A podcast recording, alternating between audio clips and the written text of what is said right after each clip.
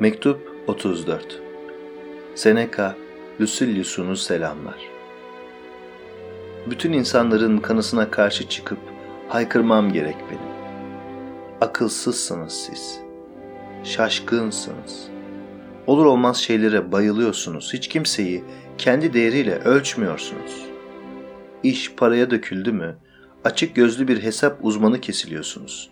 Paranızı ya da iyiliğinizi yatıracağınız her kişinin hesabını çıkarıyorsunuz. Çünkü iyiliği bile masraf olarak gösteriyorsunuz. Malı mülkü çok ama borcu da çok diyorsunuz. Güzel bir konağı var ya, borç parayla edilmiş. Hiç kimsenin hizmetçileri daha bakımlı değil ya, adam protestoya uğramış. Borçlarını ödese elinde hiçbir şey kalmaz ki. Başka konularda da böyle yapmalısınız. Herkesin nesi var nesi yoksa hepsini anlamak için silkeleyi verin onu varlığından. Bu adamı zengin mi sanıyorsun sen? Altın tabaklarını yolculukta bile yanında taşıyor diye, bütün eyaletlerde ekip biçiyor, varlığının dökümü büyük bir kitap tutmuş diye, sayfiyede de Apulya çöllerinde bile olsa kıskanılacak kadar geniş arazisi var diye bu adam zengin mi yani? Hepsini sayıp döksen de nafile. Fukara o adam. Neden mi? Çünkü borcu var onun. Ne kadar mı? Hepsini borçlu.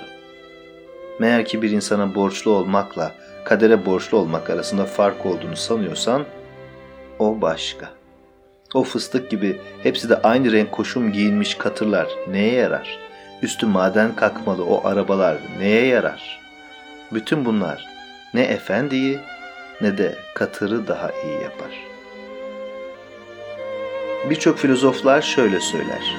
Zenginliğe birçok kusurlar yüklediğiniz için hata ediyorsunuz. Zenginlik kimseye zarar vermez.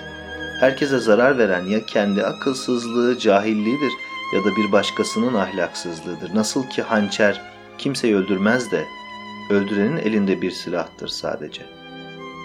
Zenginlik yüzünden sana zarar geliyorsa, zenginliğin sana zarar vermesi yüzünden değildir bu. Posidonius zenginliğin kendisi kötülük yaptığı için değil de kötülük yapacakları kışkırttığı için kötülüklerin nedeni olduğunu söyleyen o filozof bana kalırsa isabetli söylemiş.